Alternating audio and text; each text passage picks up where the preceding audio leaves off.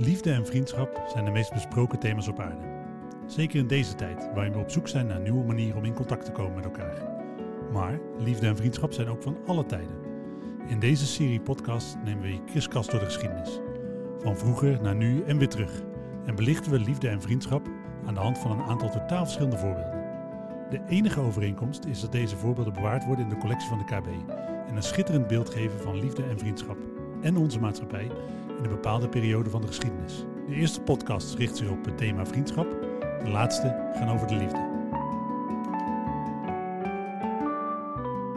Ik ga u een verhaal vertellen over liefde in tijden van oorlog. Het verhaal van Jacoba de Grote en Arius van Tienhoven en hun avonturen in Servië tijdens de Eerste Wereldoorlog. Mijn naam is Hubert Krijns en ik ben collectiespecialist geschiedenis bij de Koninklijke Bibliotheek.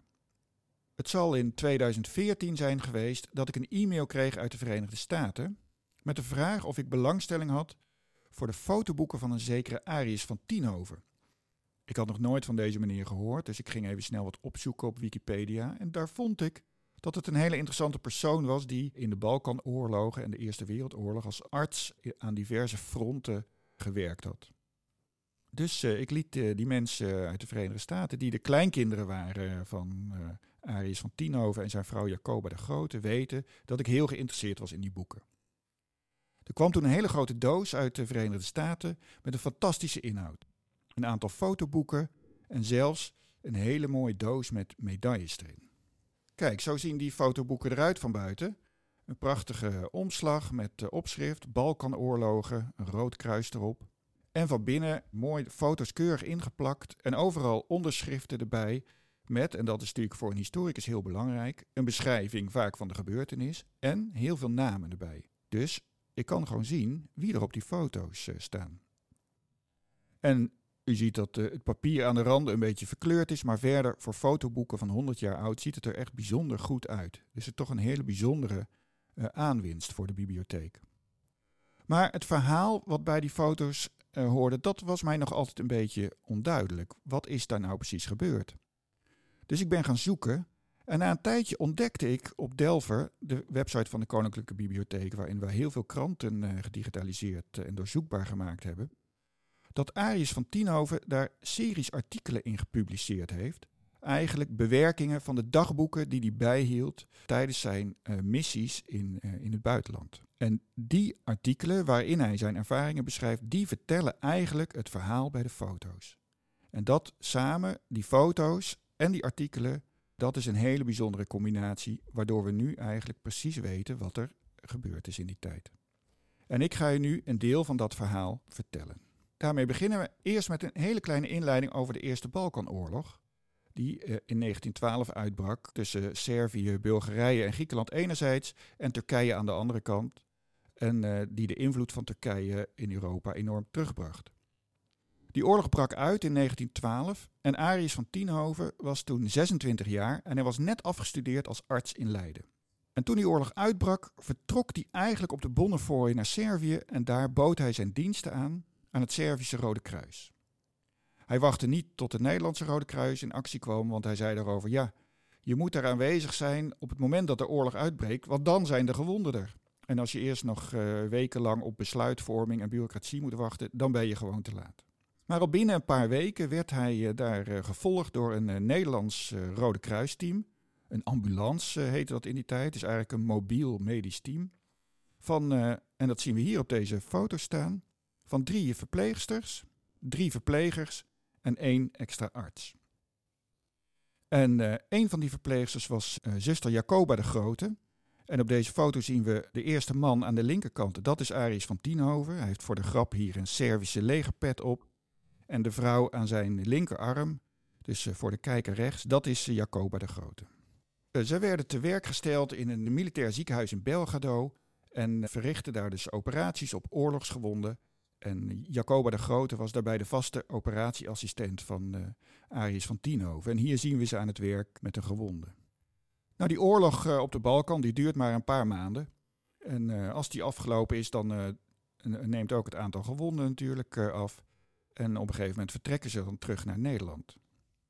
Als in 1914 de Eerste Wereldoorlog uitbreekt, bevindt Arius van Tienhoven zich in Berlijn voor een vervolgopleiding bij een beroemde Duitse chirurg. Op het moment dat die oorlog dreigt, telegrafeert hij naar Belgrado naar het Rode Kruis met de vraag of ze daar behoefte hebben aan zijn eh, medische hulp. De Serven die aarzelen even, maar laten hem dan toch weten dat het fijn is als hij komt. Het eerste wat hij dan doet, is zijn eh, vaste operatieassistent uh, Jacoba de Grote telegraferen, die zich dan in Nederland bevindt. En zij pakt dezelfde avond nog haar koffers en de volgende ochtend stapt ze op de trein naar Berlijn. Vanuit Berlijn reizen Arius en Jacoba samen naar, via Warschau en Odessa naar Servië. En daar maakt uh, Arius een hele bijzondere foto van de Russische mobilisatie. We zien hier een Russisch station. Hij maakt die foto uit de trein. En op het perron zien we Russisch spoorwegpersoneel en militairen. En aan de zijkant staan vrouwen en kinderen hun geliefden uit te zwaaien die naar de oorlog gaan en misschien wel nooit meer terugkomen. Er zijn heel weinig foto's van, deze, van die Russische mobilisatie. Eh, gewoon vanwege het feit omdat er in Rusland in die tijd heel weinig fotocamera's eh, waren. Dus dit is echt een heel bijzonder beeld. Het was ook niet zonder risico, denk ik, dat uh, deze foto genomen heeft. Want als buitenlander met een fototoestel was je natuurlijk al snel verdacht als spion uh, in Rusland.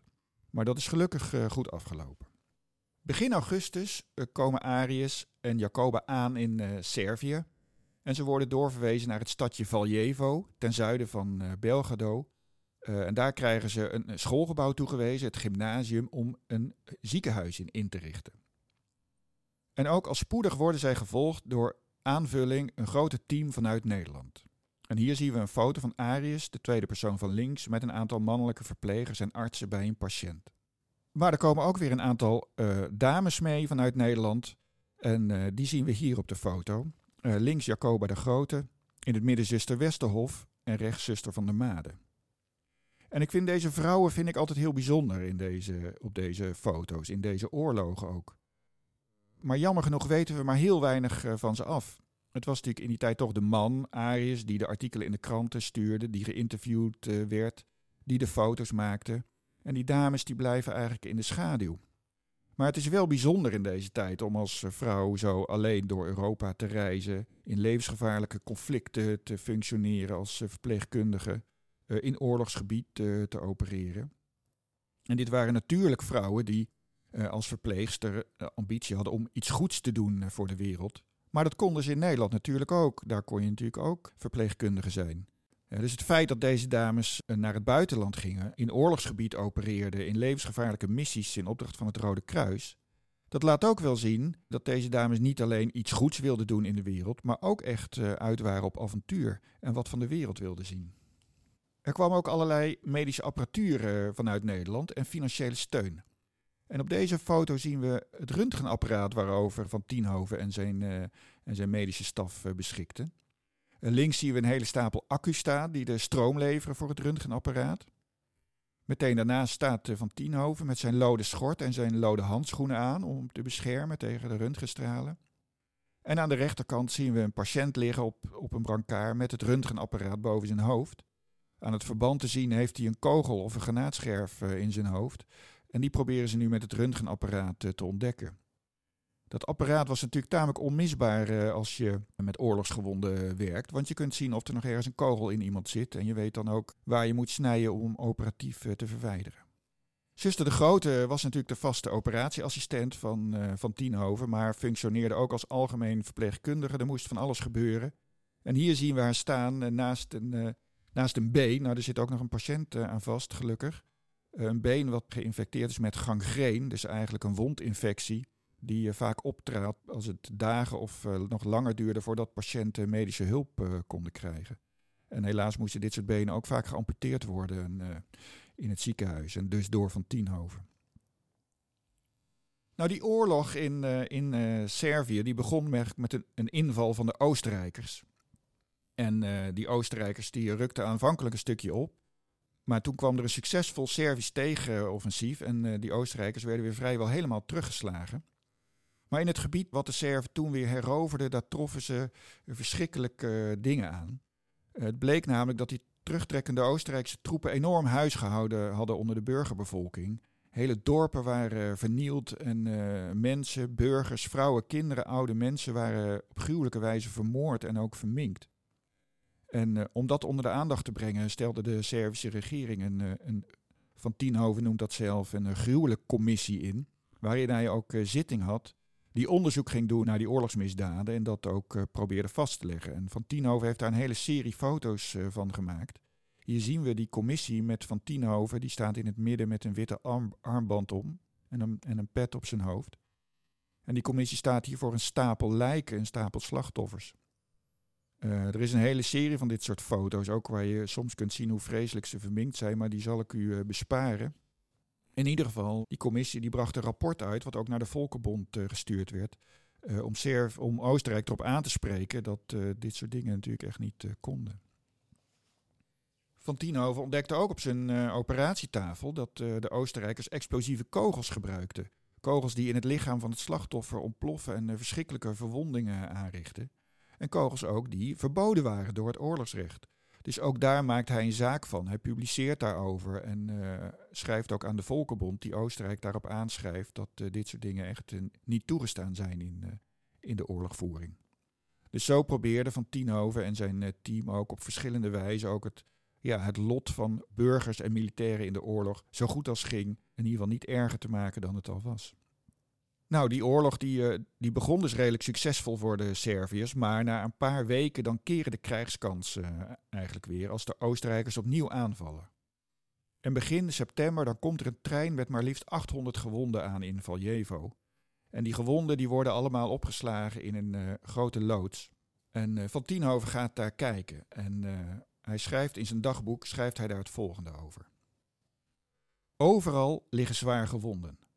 Zonder verbanden, verlamd of blind, met de darmen uit het lichaam, de stervende, de dode dan reeds.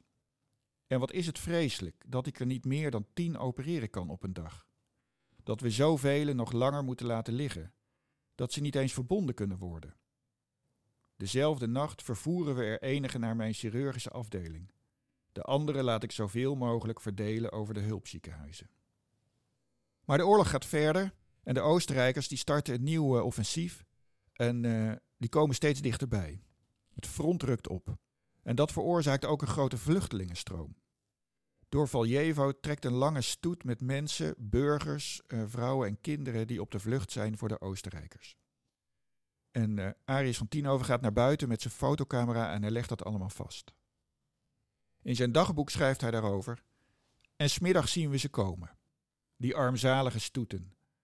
Bij duizenden en duizenden met vrouwen en kinderen, met zieken, gebrekkigen te voet, uitgeput, nog wat gered goed op de nek, in karren met huisraad, en ze zijn uitgehongerd, ze hebben dorst en er is geen voedsel voor die eindeloze drommen. Na de vluchtelingen komen ook de terugtrekkende Servische militairen. Het Servische leger slaat ook op de vlucht voor de Oostenrijkers. En Arius en Jacoba die klimmen op een heuvel in de buurt om te zien of ze de vijand al zien naderen. In de verte is het kanongebulder al hoorbaar. Er ontstaat grote twijfel bij het Nederlandse medische team in Valjevo. Zouden ze blijven en hopen dat hun uh, Rode Kruisstatus hen bescherming biedt tegen de Oostenrijkers? Zouden de Oostenrijkers dat respecteren? Of is het verstandiger om ook op de vlucht te slaan en het risico niet te lopen? Ze wikken en wegen een paar dagen, maar krijgen dan toch bevel van het Servische Rode Kruis om te vertrekken. Op deze foto zien we de laatste trein uit Valjevo, helemaal volgepropt met vluchtelingen op de daken en in goederenwagons.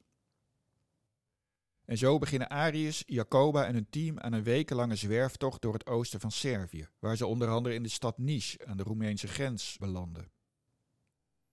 Ze raken hun goederenwagon met medische apparatuur tijdelijk uit het oog en ze kunnen ook niet terug omdat de bruggen over de rivieren opgeblazen zijn door de militairen.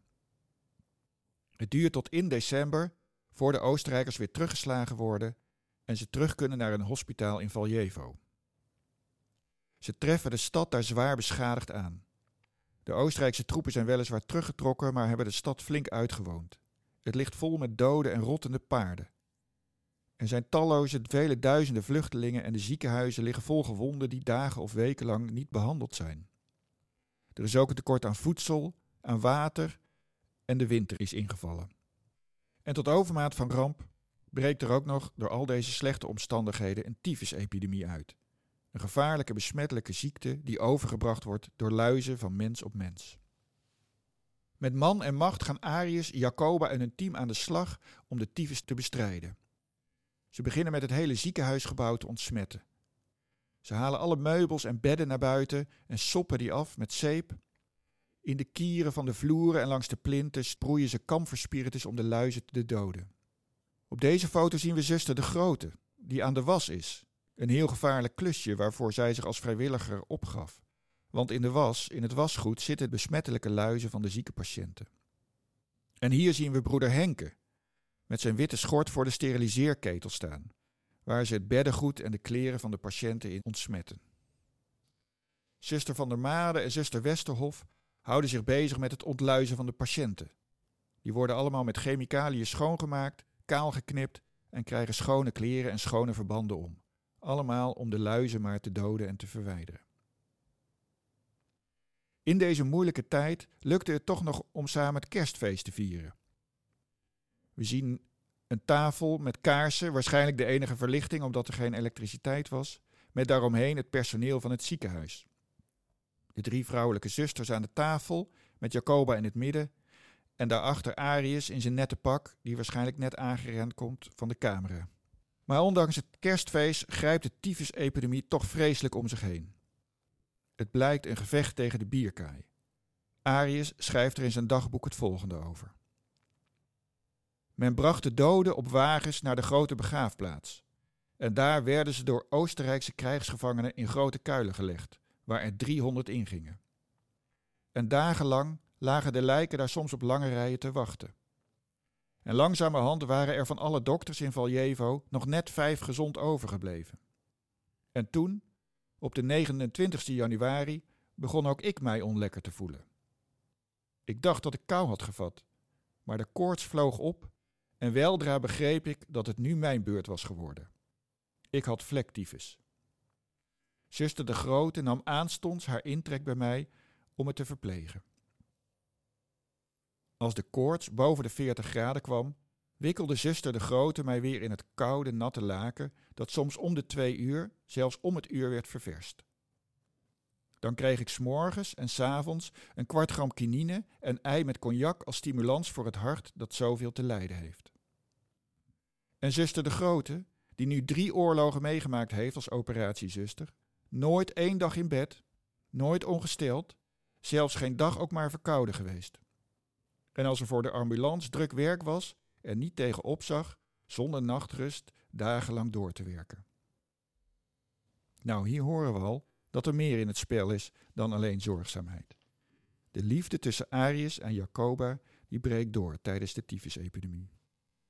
Van Tienhoven lag twee weken doodziek in bed en hij valt 15 kilo af.